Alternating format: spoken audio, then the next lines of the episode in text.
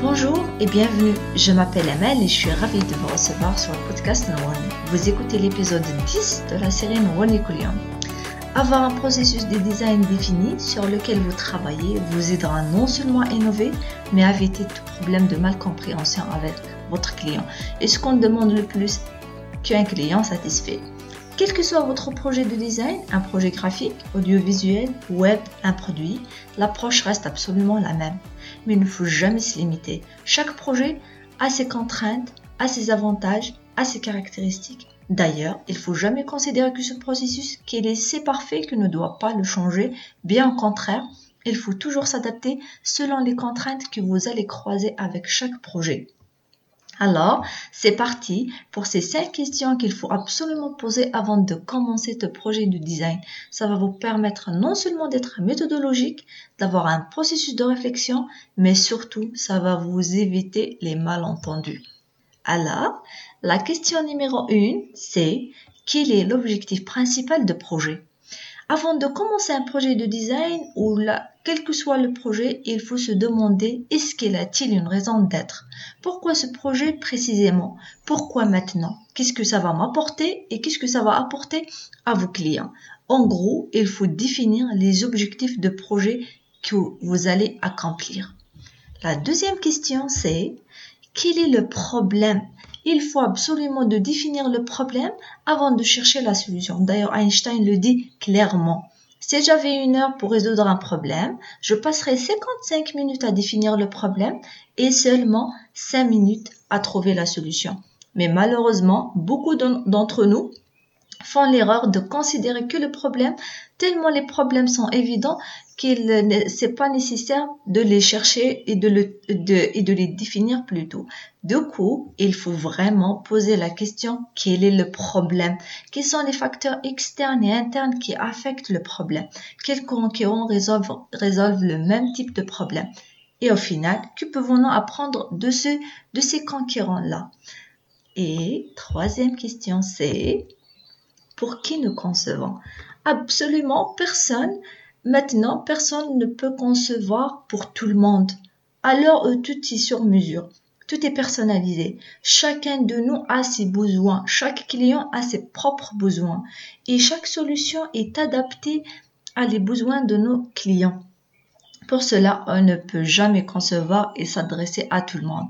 Alors, il faut créer vos personas à qui vous construisez vos meilleurs clients, vos meilleurs plutôt utilisateurs, c'est vos personas. C'est-à-dire, le persona, c'est les caractères, un persona, c'est, vous allez regrouper, c'est une personne où vous allez regrouper toutes les caractéristiques idéales de votre utilisateur idéal. Pour la création de vos personas, vous pouvez répondre tout simplement à quelques questions. Par exemple, quel est, quel est leur âge, leurs caractéristiques, où découvrent-ils l'information, quelles sont leurs préférences de consommation, qu'est-ce qui les motive à agir, etc. Alors, vas-y, identifiez le, cœur de votre cible et vos personas, puis commencez à faire votre projet. La quatrième question, c'est de répondre à comment Maintenant, c'est l'heure de déterminer le temps à utiliser avec vos utilisateurs.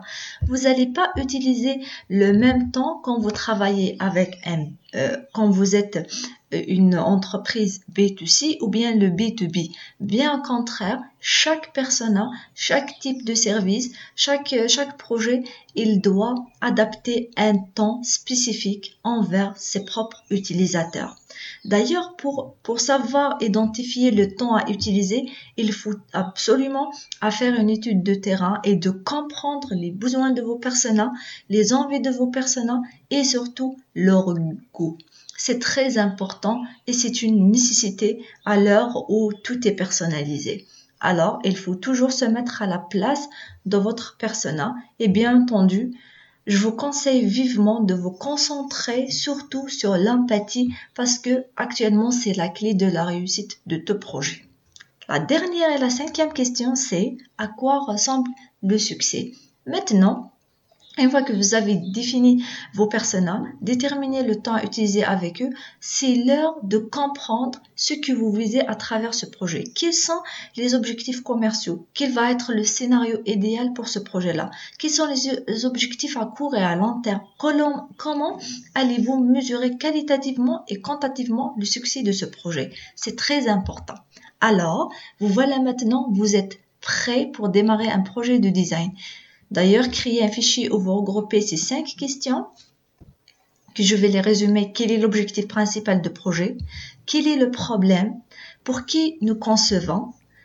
Comment et à quoi ressemble le succès? C'est très très important et c'est très fondamental, non seulement pour vous en tant que designer ou bien chef de projet, mais aussi pour votre équipe, parce que savoir avoir une ligne directrice et savoir où on se dirige, ça, ça, ça nous motive tout simplement, ça ajoute de la valeur et pour notre projet, ça nous donne, ça donne plus de confiance pour notre projet et sûrement, sûrement, sûrement, ça nous facilite le travail au quotidien. Alors, tout simplement, si vous voulez recevoir le document comme cadeau bonus, n'hésitez pas à s'inscrire à la newsletter de podcast. Sur ce, je vous dis à très vite.